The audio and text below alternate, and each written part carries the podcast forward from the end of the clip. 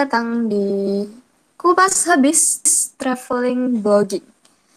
Uh, halo Kak Dana, kalau misalnya teman-teman di sini mau juga sharing ya pengalaman travelingnya atau travel bloggingnya, bisa langsung aja request to speak karena aku bakal langsung ACC dan kalian bisa langsung lah uh, sharing gitu.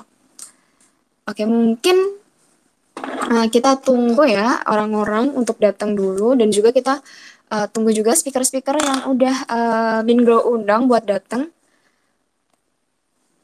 Jadi kita tunggu mungkin 1 sampai 2 menit dulu nih ya.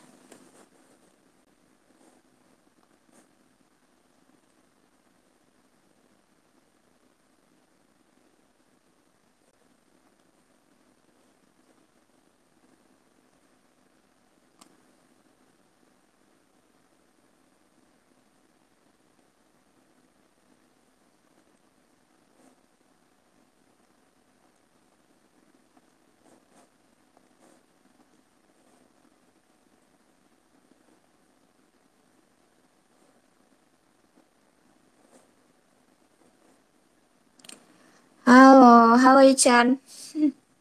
Long time no see.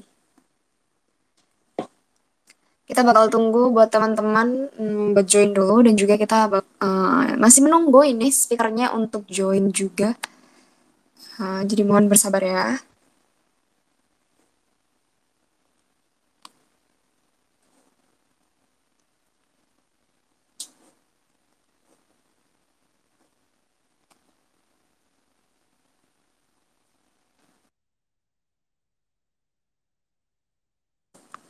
By the way, uh, kalau boleh nih, aku pengen cerita sedikit.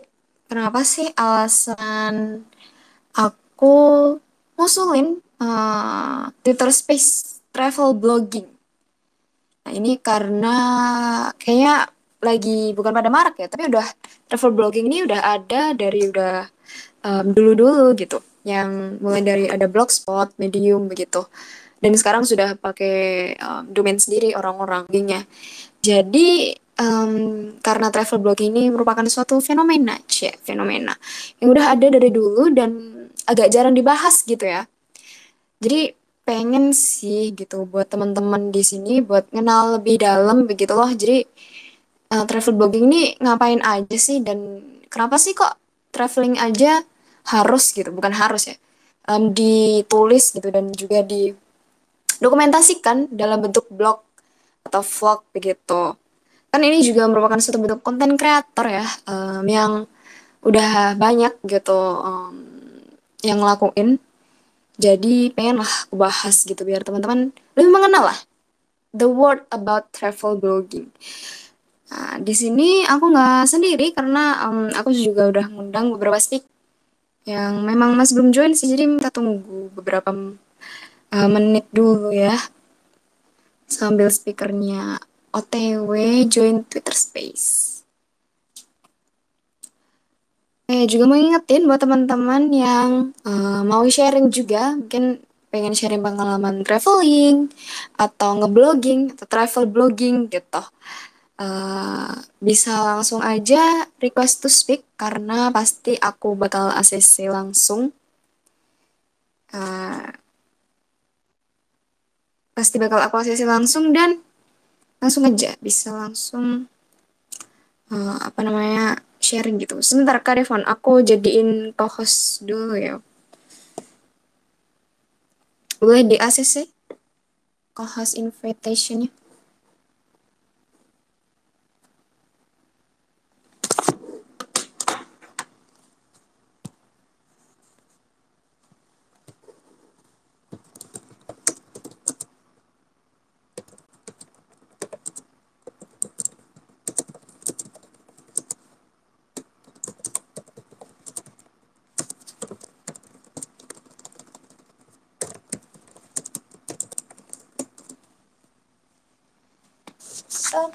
Sementara itu, aku pengen uh, ngajak Kak Devo nih. Halo Kak Dev.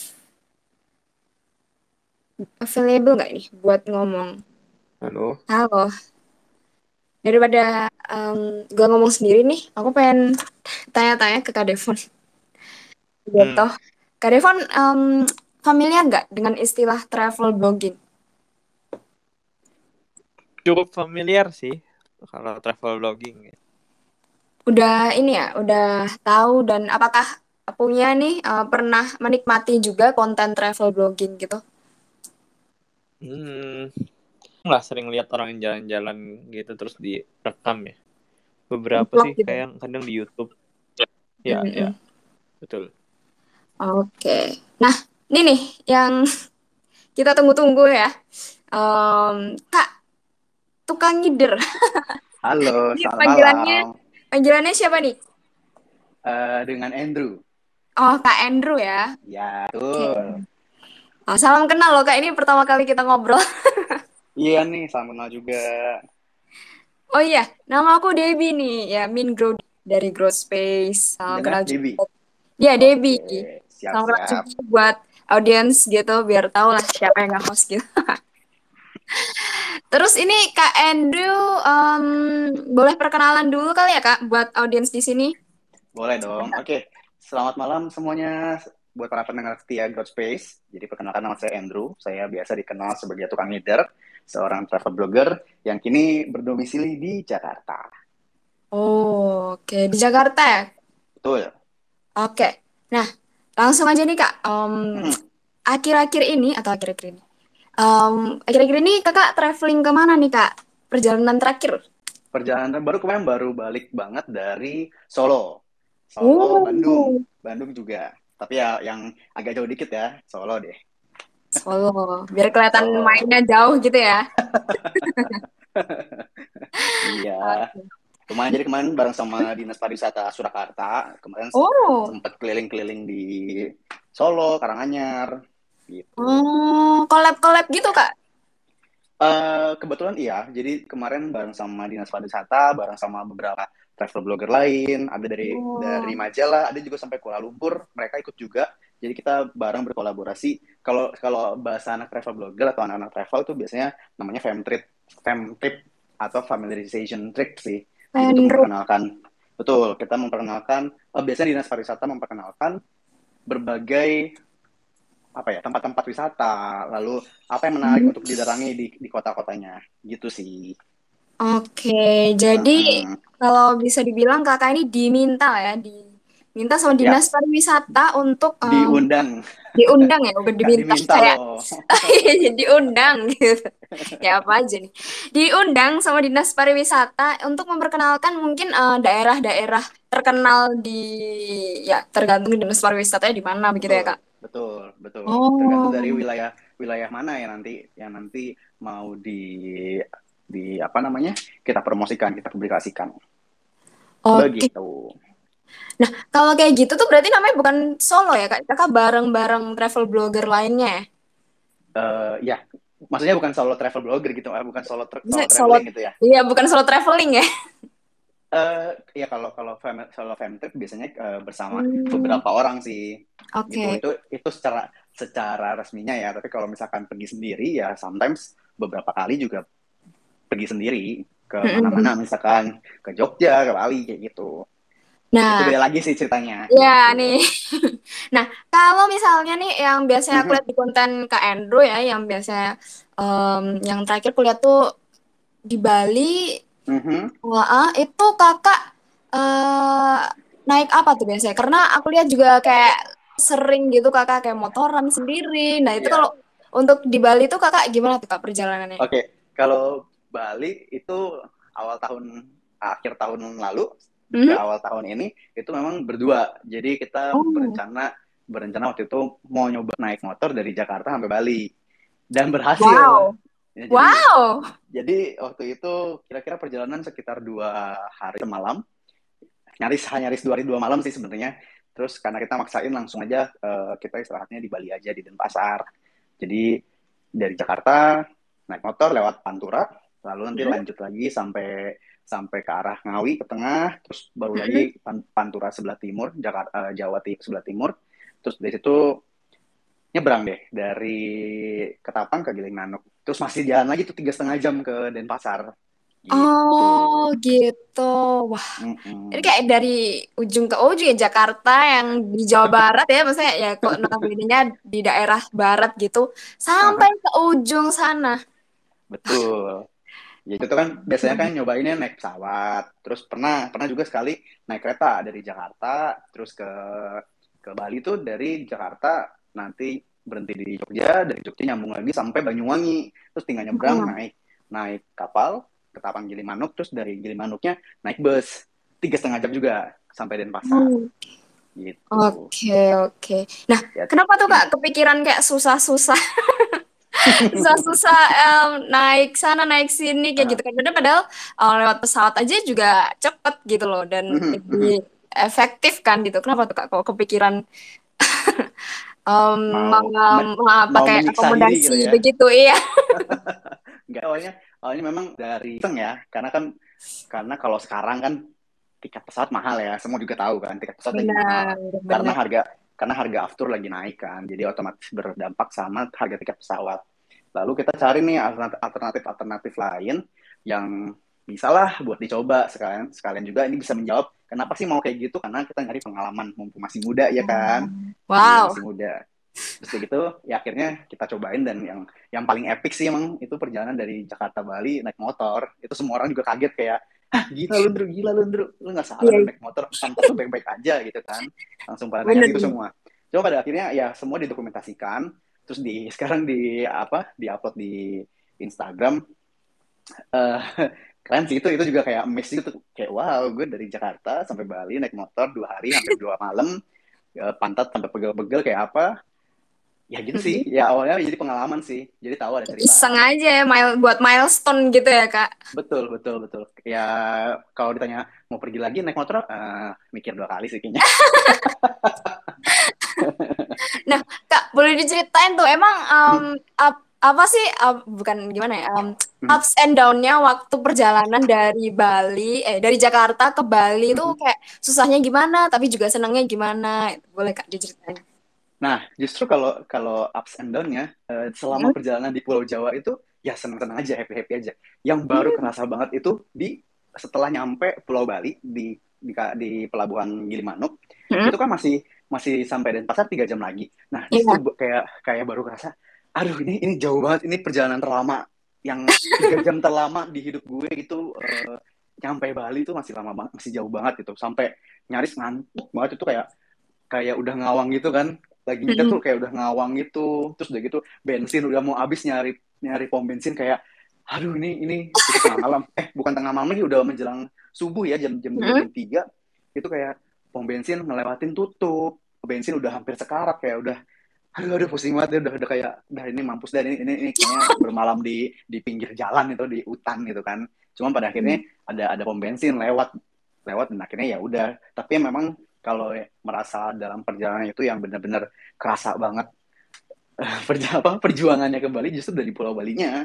Karena kayak kayak udah tinggal finish nih tapi kok nggak nyampe nyampe ya gitu. Aduh, aduh. selama di Jawa justru di dari Jawa Tengah Jawa Timur kita Hmm. happy sih. Maksudnya nggak nggak ada kendala yang berarti banget gitu Oke lah, malah mau nyampe malah tambah berat banget gitu ya rasanya. Bener bener bener banget Oke, tapi waktu udah sampai gitu lega banget dong ya Kak. satu lega kedua kan ketemu kasur ya itu kayak langsung mandi langsung mandi pokoknya terserah deh nggak nggak nggak nggak unpacking dulu segala macam langsung tidur itu kayak tidur paling enak yang pernah dinikmatin lah gitu. Oke. Nah, Kak, kalau misalnya dari. Jawa sampai ujung sana, pasti Kakak itu dong, stop-stop gitu dong. Kayak nggak Mhm. mungkin dong kayak sekali perjalanan kayak, wow. ya. Setiap satu jam sekali biasanya berhenti biar buat ke Hmm. toilet, terus eh, apa pergangan kaki dilurusin karena kan cukup pegel ya itu ya perjalanannya Benar. ya ber- beberapa belas jam gitu sekali jalan Hmm. dalam satu hari gitu. Oke, sampai nginep gitu? Enggak. Nginep, nginep. Jadi Oh. eh, first stopnya awalnya jadi misalkan dari Jakarta kan kemarin jam 5, jam 5-an. Itu eh, rencana awalnya mau berhenti di Madiun. Kira-kira di di di Maps tuh jam 8 nyampe. Cuman kan ya gitu ya, kadang kan kita ketemu lampu merah, terus eh, macet atau apa. Jadi jadi molor tuh. Nah, jadi Mm-mm. memutuskan untuk nggak jadi Madiun, tapi ke Purwodadi. Jadi Purwodadi. masih Purwodadi masih sekitar berapa puluh kilometer dari Madiun gitu. Oh, Itu juga udah kayak udah ya udahlah nggak apa-apa di Purwodadi aja karena sebenarnya cukup tadinya mau di mau di Ngawi tapi di Ngawi itu tidak ada belum ada tempat penginapan yang menurut saya sih proper ya gitu. Iya Iya karena karena karena kan kota kecil jadi memang Iya. ada beberapa dan itu ke- kebanyakan udah penuh gitu kayak Hmm. gitu jadi memang ya emang sih emang sih mungkin kata orang ya kan tinggal buat tidur aja gitu kan cuman ya Hmm. namanya apa namanya namanya pengen nyaman juga lah sedikit lah akhirnya pilihnya di Purwodadi gitu Oke. Nah, kalau kenapa sih Kak kok pilih Bali gitu? What do you looking for? Apa mengincar makanannya, budayanya, Heeh. pemandangannya begitu? Apa tuh Kak? Oke, cerita awalnya kenapa pilih Bali? Jadi perta jadi yang pandemi 2020 kan. Nah, akhir tahun 2020 sampai awal tahun 2021 itu kali pertama ke Bali eh, memutuskan dua bulan tinggal di sana. Tapi itu waktu itu naik pesawat. Nah, Oh. karena merasakan, aduh, Bali tuh ngangenin segala macam, akhirnya 2021 akhir 2022 awal memutuskan lagi ke Bali gitu. Jadi memang selain selain eh, ya mungkin agenda rutin walaupun nggak rutin-rutin amat sebenarnya bukan secara official ya balik lagi tadi cari pengalaman buat buat moto trip gitu loh ke sana gitu. Hmm. Terus kalau di Balinya sebenarnya yang dikangenin of course makanannya yang pertama, yang kedua budayanya, yang ketiga vibes-nya di sana untuk stay di sana itu asik sih gitu. Jadi benar-benar ngerasain kata orang sekarang ya anak zaman sekarang healing, benar-benar healing kayak gitu. Ya, Bali Gitu, every day Kak is holiday ya. Hmm. Betul. Lah, kalau untuk trip-trip kakak biasanya nih, kan pastinya nggak Hmm. cuma Bali doang kan ya. Eh, untuk trip-trip yang kakak eh, datengin itu, em, kakak biasanya ngincar apanya tuh kak? Apa yang membuat kakak ah pengen banget nih visit ini atau visit mana Hmm. gitu?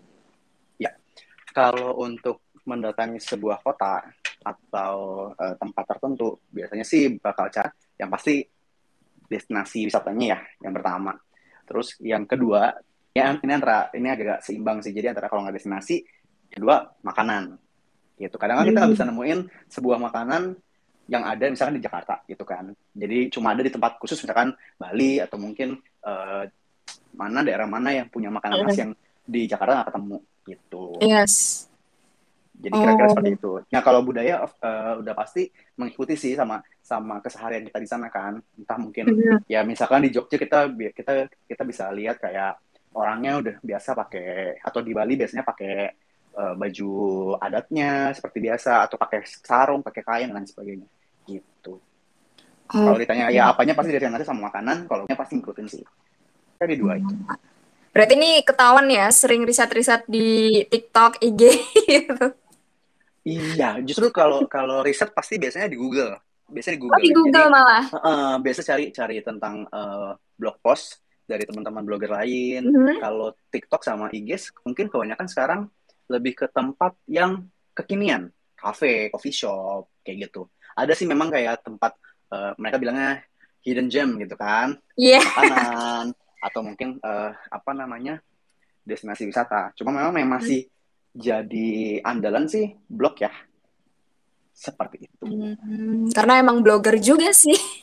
Iya, benar. Satu. Yang kedua, eh, biasanya blogger itu dengan tulisannya mereka bisa menjelaskan lebih rinci ketimbang kalau Oh, video. benar, Kalau video kan dengan durasi ya, satu. Yang Singkat. kedua, cut. Ya, anak-anak zaman sekarang kan selain kalau misalkan males baca tulisan, mereka pengen lihat Mhm. video tapi pengen videonya nggak panjang-panjang gitu kan. Hmm, Nah, benar. di situlah kendalanya. Tapi ya memang kalau misalnya tanya dari mana em, risetnya, dari blog, dari tulisan, dari berita. Baru yang kedua, Instagram atau TikTok. Oke. Nah, bisa dibilang kalau begitu Bali ini dari Jakarta ke Bali ini merupakan salah satu yang terpanjang ya Kak, yang Kakak em, apa namanya? eh, visit gitu. Kalau perjalanan darat ya, kalau maksudnya eh, secara naik motor gitu kan. Hmm, kalau paling jauh nih Kakak pernah ke mana nih? Paling jauh terakhir itu kemarin sempat ke, kalau Indonesia Timur masih baru Manado, paling jauh. Ah, Kalau Nusa Tenggara kemarin paling jauh di timurnya itu ke Larantuka. Nusa Tenggara Timur. Larantuka. Larantuka. Wow, kita baru Betul. aku baru dengar sih. Hmm, coba dicek deh. Larantuka. Wow. Itu ada di Flores. Pulau Flores, paling Oke. timur. Di Pulau Flores ya, tapi sebelah setelah Hmm. Larantuka masih ada pulau-pulau lain. Wah, menarik, gitu. menarik. Mhm. Oke. Wah, jadi Untuk tahu kalau yang banyak ini ya, banyak betul, daerah kalau yang mungkin kalau dijamah gitu. betul Debbie. Jadi kalau Hmm. misalkan belum belum tahu teman-teman yang dengerin, eh, Larantuka itu justru eh, kerajaan Katolik satu-satunya di Indonesia yang dulu sebelum jadi eh, kita jadi republik ya. Terus Hah? sampai sekarang itu jadi istilahnya bukan kota suci sih. Maksudnya kalau kalau mungkin kalau buat penganut Katolik itu kan kita kenalnya dengan Vatikan di Roma ya. Nah, di Benar. daerah sana. Nah, kalau di Indonesia itu kotanya para orang Katolik itu di Larantuka. Jadi mereka ada prosesi, ada apa biasanya sebelum uh, Paskah, mereka punya prosesi yang setiap tahun dilaksanakan dan itu udah terkenal sampai seluruh dunia. Gitu. Jadi itu Larantuka Oh. keren sih gitu. Oh, aku lihat nih Kak di Google. Wow, gerejanya menarik apa? Bagus banget ya. Betul, karena ada ada pengaruh dari Spanyol. Oh, Spanyol. Tuh, Karena penjajahan juga ya. betul, betul. Hmm. Dan dan ada satu kan tadi sempat uh, saya bilang tentang kerajaan ya. Jadi sampai sekarang uh, turunan dari tersebut walaupun sekarang sudah tidak ada secara kayak mungkin kayak di Jogja dengan keraton dengan sultan gitu kan. Di sana tetap ada sebagai uh, pewaris budaya dan mereka namanya nama-nama orang Spanyol Oh, gitu, Da Silva apa dan sebagainya. oke. Unik sih. Wow. Ih, keren banget nih Kak Andrew. Udah motoran dari Jakarta ke Bali. Udah pernah ke Larantuka yang kita mungkin ya dari gue sendiri kayak belum pernah denger gitu. Mhm. Nah, ini aku mau pertanyaan agak mendasar nih ya Kak. Kenapa Boleh, silakan. kok kepikiran gitu loh buat Mhm. menuliskan dan mendokumentasikan ya, uh, buat nge uh, mendokumentasikan pengalaman travelingnya. Hmm, yang pertama sih satu karena cerita banget dulu yang pertama banget adalah itu PR dari sekolah zaman SMP. Zaman kita eh, belajar teknologi informasi komputer, bikin gitu kan, belajar tentang internet itu awalnya dari situ. Jadi tertarik eh, ada tugas buat bikin jurnal dan tanda kutip di blog satu. Itu zaman sekolah. Nah, mulai mulai akhirnya mau bikin tulisan tentang perjalanan itu di awal SMA sampai kuliah. Nah, kenapa sih alasannya? Sebenarnya satu iseng, yang kedua ya pengen mendokum apa? Pengen jadi perjalanan ini tuh biar kasih tahu orang sharing juga sih kalau oke okay, di sini ada tempat ini loh, ada makanan ini loh gitu. Awalnya gitu aja sih cuma karena iseng sama pengen sharing aja. Oh, oke. Tapi sampai sampai uh, keterusan nih sampai sekarang jadi terkenal gitu tukang ngider. ya itu rezeki rezekinya ya tambahan yang lain gitu kan. Oke, dari tugas sekolah. Keren banget nih Kak Andrew. Nah, ada ada nggak sih Kak sebenarnya kesulitan hmm. gitu saat uh, traveling sambil ngevlog gitu? Pernah nggak? Wah, sering lah itu mah. Wah, gimana tuh? biasanya kalau anak kalau dari circle teman-teman sendiri ya biasanya kita kita sebutnya uh, kita pengabdi konten jadi jadi yang kayak apa namanya aduh kita mau traveling mau jalan-jalan tapi nggak bisa tuh yang namanya meninggalkan uh, sebuah kesempatan buat konten. Karena kan gini kadang-kadang kita pergi ke satu tempat uh, pengennya ya udah pengennya liburan aja. Cuman kayak aduh sayang ya belum tentu kita mau ke tempat ini lagi kayak gitu. Jadi akhirnya uh, akhirnya liburannya nggak travelingnya nggak nggak nggak mak bukan maksimal sih. Kayak maksudnya nggak kadang-kadang kita, kita liburan pengen santai pengen apa cuman jadinya tetap stres mikirin konten kayak gitu loh. Jadi kalau kesulitan kita kita di di, di bagian situ dan hmm. jadi jadinya ke distract juga kan kayak misalkan kita mau apa ya mau lihat lebih dekat sebuah kehidupan misalkan. Tapi jadinya buru-buru karena kita ngejar konten atau jadi fokusnya ke tempat yang lain kayak gitu. Hmm. paling kesulitannya di situ aja sih. Kalau lihat teman-temannya ini wah kelihatannya enak ya jalan-jalan mulu gitu kan. Ya sebenarnya juga ada ada ada kesulitannya kita untuk memberikan sebuah informasi kepada kalian melalui video-video yang kami buat ya seperti itu begitu Debbie Jadi kurang enjoy juga gitu ya kak betul tripnya? betul kadang Hmm. kadang seperti itu Oke oke. Oh, aku baru kepikiran loh orang-orang tuh bisa gitu ya. Kayak maksudnya aku pikir tuh mereka aku ngeliatnya ya di kayak YouTube kayak mereka tuh sangat having fun gitu loh. I, Mhm. I did not know kalau juga kayak jadi distract juga gitu karena ada um, something like burden lah buat ngebagi ah gue harus Betul. kayak gini gue harus kayak sedetail Betul. ini gitu. Betul. Oke. Hmm. Nah, kalau dari kesulitan nih Kak, ada nggak sih kejadian menarik mungkin ya? Biar agak lebih uh, positif gitu. Ada nggak kejadian menarik uh, saat Kakak traveling gitu? Apalagi ya, traveling yang ekstrim itu ya dari Jakarta ke Bali. Atau yang mungkin ke trip-trip lainnya gitu, ada nggak Kak? Kalau yang menarik justru karena biasanya mungkin masyarakat kita kan jadi sudah lebih paham ya. Oh ternyata ada ada orang-orang yang memang membuat konten nih tentang hmm tentang misalkan makanan atau misalkan tentang destinasi. Nah, biasanya kita jadi punya lebih kesempatan banyak ketemu orang yang memang ngasih tahu tempat sesuatu yang jarang diketemu didatangi sama orang. Satu, yang kedua, kalau masalah makanan, biasanya juga, wah, mas, masnya vlogger ya, youtuber ya, bisa gitu kan. Padahal kita belum tentu youtuber nih, belum tentu vlogger nih. Nah, tapi mereka bilang, mas, cobain deh ke sini misalkan, ke tempat mana gitu. Ini makanannya enak, karena nggak banyak orang yang tahu gitu jadi jadi kadang-kadang melihat kita sering bikin konten, bikin video atau foto, mereka biasanya memberikan sebuah advice atau sebuah rekomendasi tempat yang orang-orang yang nggak banyak tahu. Jadi ya istilahnya anti mainstream lah, gitu. Itu itu yang paling dirasakan ya sampai saat ini. Gitu. Oke, jadi dapat rekomendasi dari hmm. banyak orang lah ya. Benar, benar. Dan itu seru. Jadinya jadinya selain kita dapat rekomendasi, orang juga lebih apa ya hmm, kayak oh ya misalkan ke tempat satu tempat makan gitu ya kadang-kadang kita ketemu kita ngelihatnya tuh si penjajah makanannya jutek ya kelihatannya ya kelihatannya jutek tapi ketika ketika kita lagi shoot itu ya ternyata mereka ramah mereka senyum mereka lebih apa ya lebih enak buat diajak ngobrol. Terus kayak oh masnya bentar-bentar ini ini saya rapihin dulu sedikit. Gitu. misalkan misalkan sebentar mas nih mau mau dituang ya mas. Bentar nih saya saya pelan-pelan tuangnya. Gitu loh. Jadi mereka udah lebih hmm. ngerti. Jadi hal-hal yang kecil kayak gitu sebenarnya jadi jadi meaning ya kalau kalau dari saya. Saya ngerasainnya kayak gitu. Oke hmm, oke okay, okay. wah Nah, ini thank you banget loh Kak udah sharing dari tadi dan ini sekarang udah ada lagi nih speaker lain jadi nanti aku balik lagi ya ke Kak Andrew. Ini okay. ada Kak Guri. Um, halo Kak Guri. Oh, halo. halo. Kayak kaget gitu ya Kak Gur. Enggak. Gimana Kak Guri kabarnya Kak Gur? Baik, baik, yes. Nah, ini traveler dari Jepang. Wih. Ya, traveler ya, ya, ya kerja di sini. Ah, iya. Lima saja lah itu sebutannya. Oke, ini aku pengen tanya nih Kak Gur. Sukanya biasa traveling ke mana sih Kak Guri? Apa yang cari oh. gitu setiap tempat-tempat yang kakak visit? Yang dicari? Yes.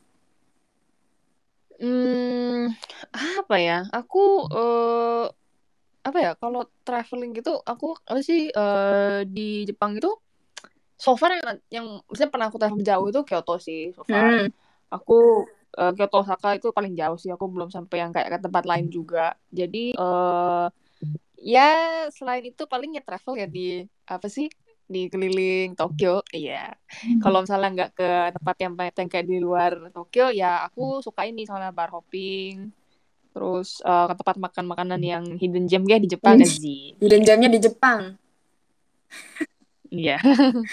Oke berarti kakak juga nyarinya dari ini ya dari um, dari internet juga ya kak Gur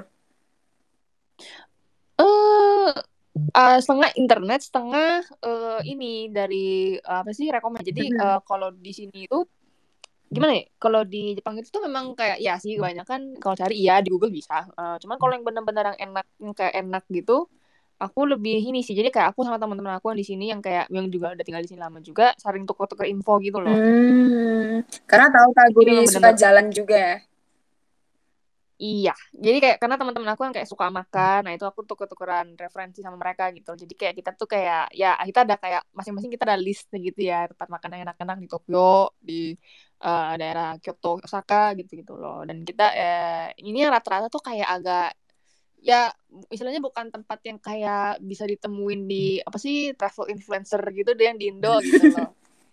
gitu. Oke, nah kalau dari ke Andrew kan tadi pengen traveling, eh, pengen menuliskan travelingnya karena dari tugas sekolah. Kalau misalnya dari Kak Guri nih, dari mana nih Kak Gur? Uh, kalau aku nah ini sorry ini dokumentasi Ya, travel gitu ya? nulis kayak journaling yang Kak Guri um, biasa uh, lakuin ya. Kenapa Hmm, Guri? aku sih aku sih dua macam sih satu dari real satu pada dari ini satu lagi eh, travel journaling analog gitu ya Mhm. jadi tuh aku eh kalau yang reels itu tuh aku yang ngepost karena ini sih aku gimana ya emang suka ngedokumentasiin travel aku sih. Pas pertama kali aku ke Kyoto itu tahun ini Februari sih. Nah itu kayak emang udah kepikiran pengen ngedokumentasiin Hmm. travel aku gitu loh pakai reel Ya, cuman buat sendiri aja atau buat sama buat teman-teman aku gitu. Nah terus aku kepikiran kayak eh eh, di sini tuh kalau di Jepang perintilannya banyak banget gitu loh kayak asik nih kalau dijadiin apa travel journal Iya, gitu iya, loh iya. kayak foto di print terus dibikin kayak collage gitu sih jadi kayak aku baru mulai bikinnya itu pas aku ke Kyoto lagi sekitar Juli tahun ini sih bikin gitu Oke, karena di Jepang banyak tempat-tempat menarik yang bisa dieksplor ya Kak Gur. iya betul Oke. Nah, kalau misalnya waktu uh, ngebuat journaling gitu ataupun ngedokumentasin di Reels ya, itu ada nggak sih Kak Gur kayak agak um, nemuin kesulitan gitu kayak, aduh gue bingung nih nulisinnya gimana ya, aduh bingung nih kayak gambarnya kurang gimana deh, ada nggak Kak? Kayak, Hmm, kalau itu sih enggak sih karena memang kayak aku orangnya suka planning ya. Jadi kayak eh eh, gimana sih istilahnya? Kayak eh, misalnya nih sebelum travel kayak at least harus ya apa sih harus ada kayak eh, footage-nya footage buat reelsan mestinya harus banyak gitu. Jadi kayak pas ngeditnya Oh, gampang gitu loh. Jadi misalnya ini nggak sesuai ya pakai yang lain gitu loh. Jadi eh, tapi nih kalau buat aku aku personally ini nggak merusak experience aku ya untuk travel ya. Jadi kayak memang karena aku orangnya suka dokumentasi gitu loh. Jadi kayak ya jalan aja gitu loh. Nggak nge-distract aku dari travel sih gitu loh. Eh, terus mungkin foto kali ya. Foto yang kayak em, mungkin angle-nya susah. Nah itu kadang-kadang ya mesti ya harus Effort. ya berkali-kali gitu misalnya. Iya ya again nggak nggak begitu mengganggu sih. Karena memang ini ini kenapa aku paling suka istilahnya travel sendiri ya. Jadi kayak eh mau ngapain sih enak jidat gitu. Jadi Fleksibel kayak juga. mau lama-lama foto. Iya lebih iya makanya aku mau lebih suka prefer prefer travel sendiri. Karena itu kalau misalnya mau aku bisa bisa foto senak jidat mau eh, dokumentasiin eh, videonya gitu ya senak jidat juga gitu loh. Jadi ya santai gitu loh. Oke, uh menarik nih. Udah di planning kayak storyboard gitu ya Kak Gur. Iya iya eh, udah dispon sampai kayak mau pakai lagu apa buat terusnya udah kepikiran juga Wow. nyiapin ini Ah, Tuh. detail sekali nih Kak Guri. Keren, keren. Nah, dari tadi kesulitan, sekarang kejadian menarik nih Kak Gur. Ada nggak waktu traveling gitu, kayak ketemu apa atau dapat kejadian apa gitu? Hmm, banyak ya, misalnya kayak eh, apa? Oh ya waktu itu pas aku eh eh, apa ya Kyoto terakhir waktu itu pas Juli itu eh lumayan eh, agak lucu aja soalnya kayak em, pas Februari Mhm. itu memang pertama kali aku ke Kyoto, jadi aku kayak ya ada planning mau ke ini ke ini tapi nggak begitu banyak ke tempat eh, di Kyotonya. Nah pas ke eh, pas ke sana lagi aku Julinya itu eh gimana ya tempat yang pengen aku kunjungi itu banyak banget gitu jadi kayak aku juga ini agak nggak nggak mikir jauh juga jadi kayak aku mau ke tempat makannya banyak banget tapi nggak mikir perut aku bisa gimana semua gitu. Jadi itu eh, pas ke Kyoto waktu itu kayak wah pengen makan ini ini tapi udah kenyang duluan gitu. Jadi kayak aku eh, waktu itu makan tempura doang itu tuh eh, sampai begal Waduh, karena porsi ya porsinya gede. Jadi nggak kepikiran kan. Tapi untungnya untungnya eh, siangnya tuh kayak nggak ada apa-apa gitu loh. Kayak nggak nggak ke mana-mana. Jadi kayak aku langsung ke hotel tidur dulu sejam gitu loh. Nah terus tapi yang agak sial itu pas eh, aku pas ulang tahunnya pas birthday mealnya itu eh, aku nggak ini kayak karena pakai modal ya nanti kapan balik lagi? Kapan balik lagi ke sini ya? Jadi kayak aku eh, pas eh, apa ya siang gitu aku ke tempat eh, dessert shop gitu em, pesan parfait gitu dan aku kayak nggak mikir nih gede banget gitu loh. Kayak ini pesan aja tapi kan nanti kapan lagi balik ya ke Kyoto ya Azik terus pesan udah nyampe buset gede banget anjir. Terus aku baru ingat oh ya nanti malam ada course menu buset. Lah udahlah ini. Udah makan kayak aku kan eh, itu lokasinya eh, agak jauh ya dari eh, di Uji gitu. Di Uji dari Uji ke Kyoto Mhm. agak agak ma- lumayan makan waktu gitu travel kayak kereta gitu. Jadi aku gak kepikiran habis itu. Nah Hmm. begitu udah makan kuenya di ke daerah Uji itu pas balik ke Kyoto itu tuh aku sebenarnya pengen planning tidur ya sejaman lah ya. Tapi aku berikut kayak oh shit ini eh, aku udah dari reserve dinner jam segini bang aku buru ya udahlah. Sebentar terus ke sana. Terus eh, itu maksudnya enak sih makan malamnya iya enak eh, tapi pulangnya tuh mesti naik taksi padahal cuma jalan beberapa detik bisa tapi kayak hanya tuh perut tuh perut tuh mau kebelah ya gitu.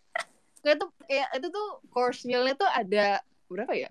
Sembilan plate gitu terus kayak Oke. eh terus aku kayak eh, awalnya kayak pengen cancel kayak lebih murah terus kayak nggak nggak usah cancel bahan lah udah ya udah makan aja enak sih enak iya nah tapi pas keluarnya tuh udah kayak wah ini ini perut lagi pecah nih Gitu.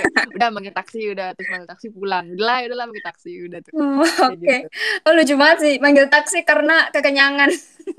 iya parah parah parah By the way, ini Kak Gur kalau misalnya butuh pendamping ya buat ngabisin makanan, bo boleh loh gue ajak aja Kak Gur. Kak Gurnya nyicip gue ngabisin, boleh banget. Oke, oke. Ah, jadi pengen tanya nih ke Kak Andrew. Kak Andrew pernah gitu nggak kayak bimbang gitu kayak Kak Gur? Aduh, gini nggak balik lagi ya takutnya. Terus akhirnya semuanya aja tuh di dimakan gitu. Hmm, ya itu kayaknya persoalan klasik ya untuk untuk eh, teman-teman yang yang tukang jalan-jalan. Jadi dengan alasan yang aduh bener juga sih belum tentu bisa balik lagi ke sini, ya udah harus cobain kayak gitu.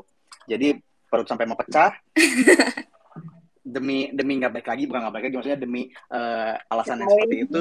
Jadi semua di, dicobain gitu. Diembat ya. Iya. Oke, oke. Oh ya, by the way, aku mau ingetin nih buat teman-teman di sini yang pengen sharing juga sama kayak Kak Andrew, sama Kak Guri di sini. Pengen sharing atau malah pengen tanya gitu loh, kayak pengalaman travel bloggingnya mereka. Boleh langsung aja request to speak, karena pasti aku nih. Jaminan ACC, ya. Nah, oke, langsung ku tanya lagi nih ke Kak Andrew. Um, pengen tanya, kalau misalnya kakak kan sering tuh ngebuat vlog gitu, dan juga Mhm. sering nulis di blog.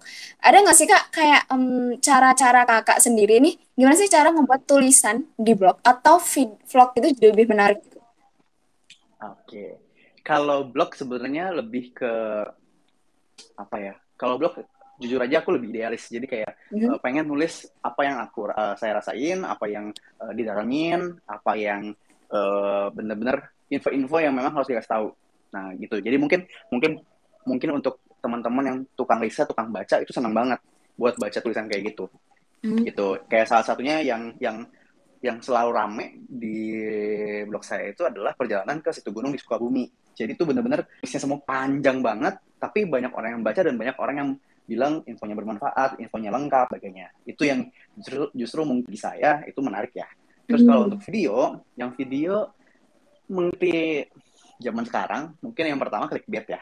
Clickbait. Clickbaitnya bukan berarti harus yang eh, mengecoh banget atau Bener. atau yang aneh-aneh ngaco, tapi Mhm. memang cari sesuatu yang menarik akan contoh ke oh ini contohnya ada satu teman videonya dia lucu beli yang gini sungai jernih 700 kilo dari Jakarta gitu orangnya nggak nge ah dari Jakarta tapi 700 kilo kalau orang kalau orang yang yang jeli ya gitu tapi 700 dari situ iya jadi bukan bukan di Jakarta tapi dia di Jawa Timur gitu kan nah jadi jadi itu itu lucu jadi jadi satu klik dua orang jadi jadi baca kan ini bukan di Jakarta ini mah ini mah di di mana gitu kayak gitu jadi itu hal-hal yang yang bagi aku itu yang buat menarik orang buat nonton buat baca Sep. hmm.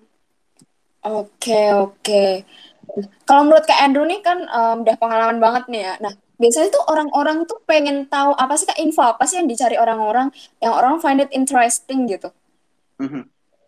ya biasanya kalau sekarang sih orang-orang lebih senangnya ke tempat-tempat yang Ya? ya, yang Instagramable Oh, gitu iya kan benar-benar. buat fotonya cakep gitu Nah, ah. terus eh, apa lagi Em, Murah. itu kalau yang itu yang kekinian ya murah juga termasuk tapi memang kalau misalkan tulisan mereka cenderung senangnya Hmm? aksesibilitasnya ke satu tempat tersebut satu Oh. yang kedua harga harga masuk tiket masuknya kalau ada berapa Hmm. yang ketiga eh, di sana ada atraksi apa aja kayak gitu yang keempat kalau masalah makanan itu satu harga yang kedua enak atau enggak udah itu doang Hmm.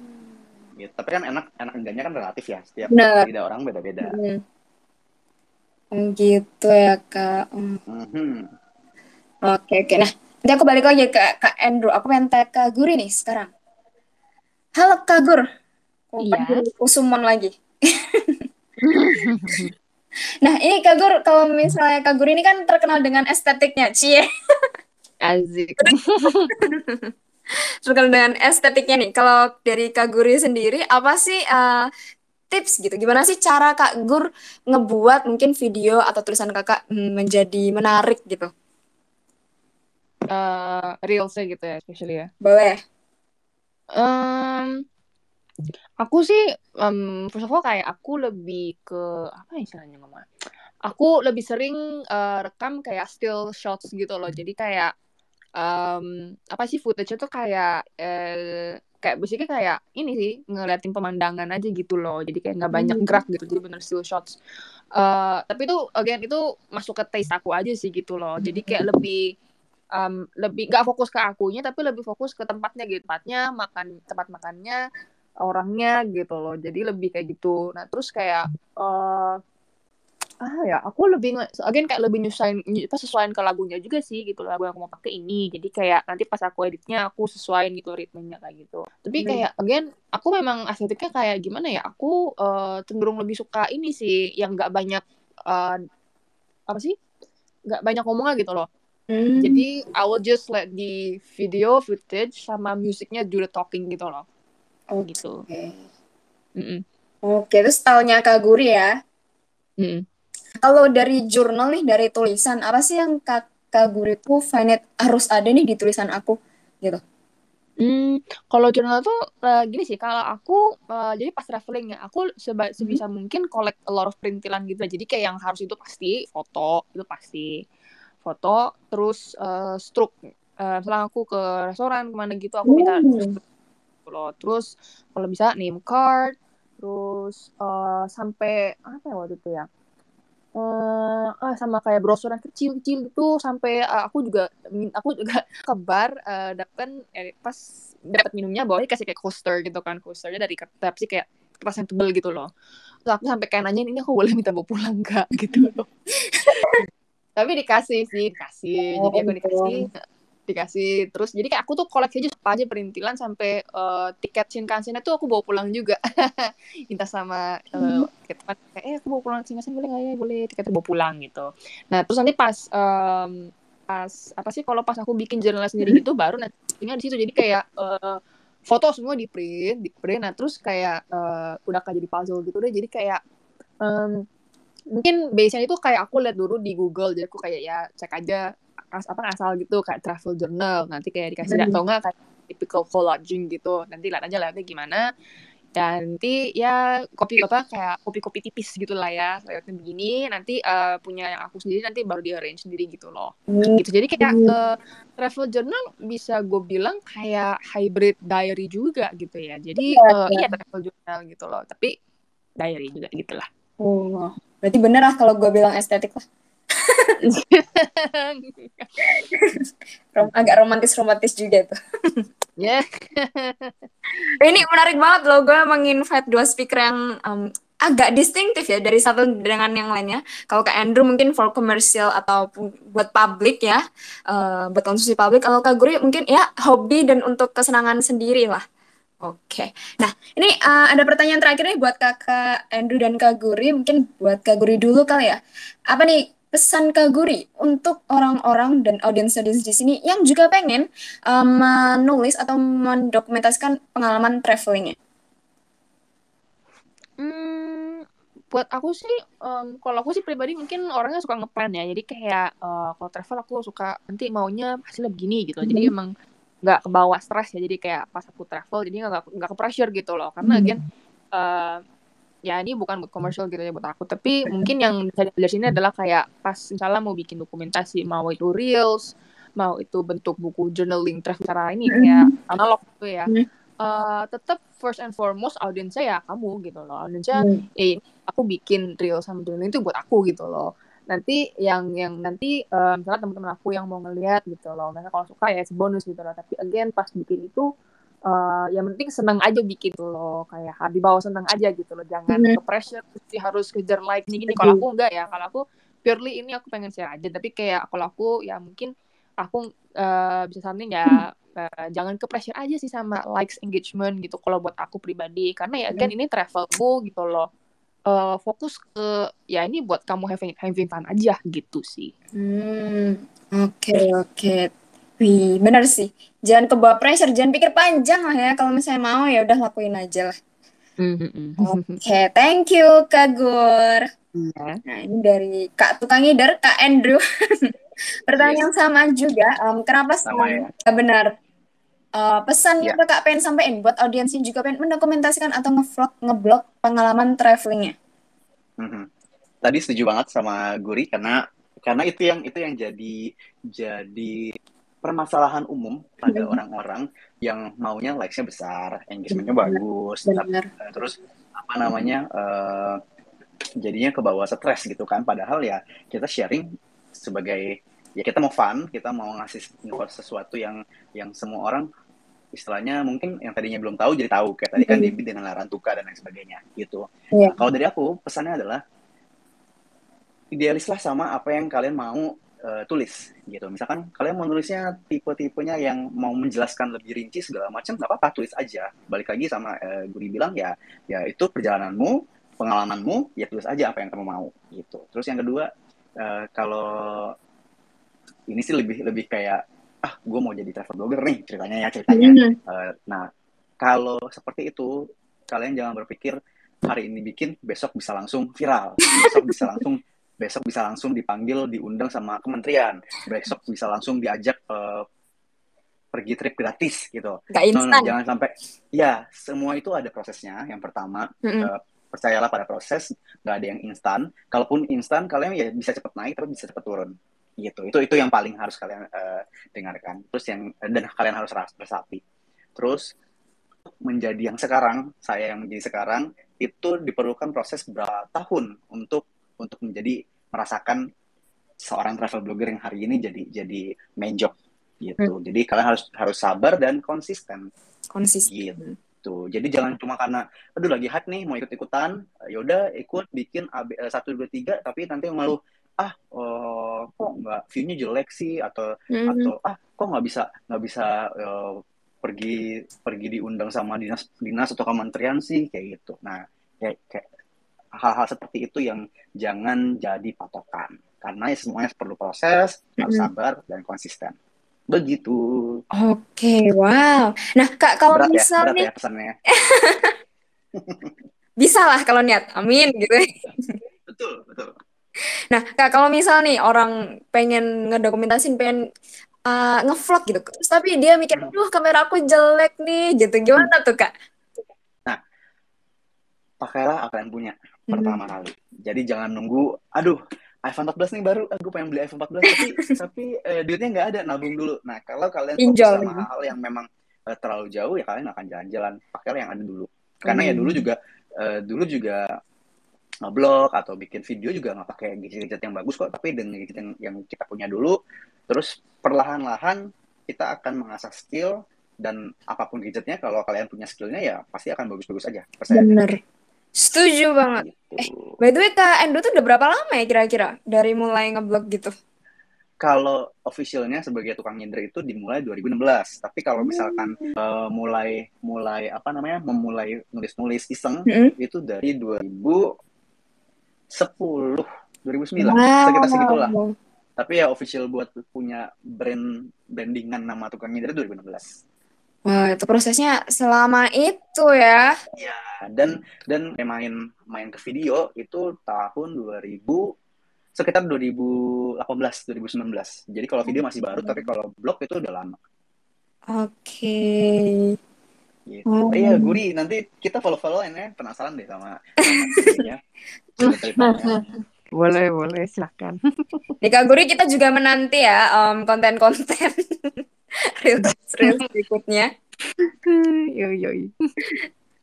Oke, wah, weh, gue seneng banget nih eh, Kak Guri dan Kak Andrew, thank you banget ya udah mau eh, ngeluangin waktunya nih buat berbagi sama Growth Spacer di sini eh, dan emang dapat baik insight gitu loh. Dan gue juga mau highlight nih buat pesan gue juga nih, heci gue juga ngasih pesan, numpang juga.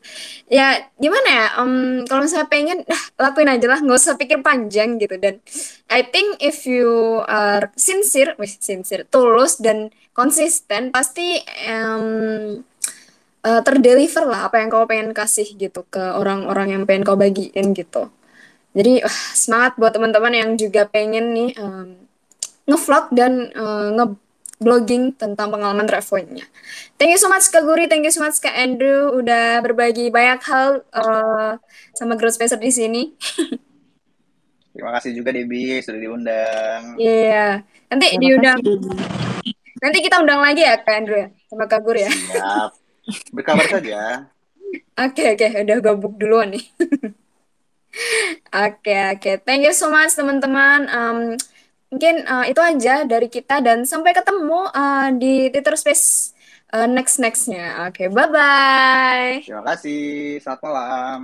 Ya. Terima kasih semua. Bye. Bye.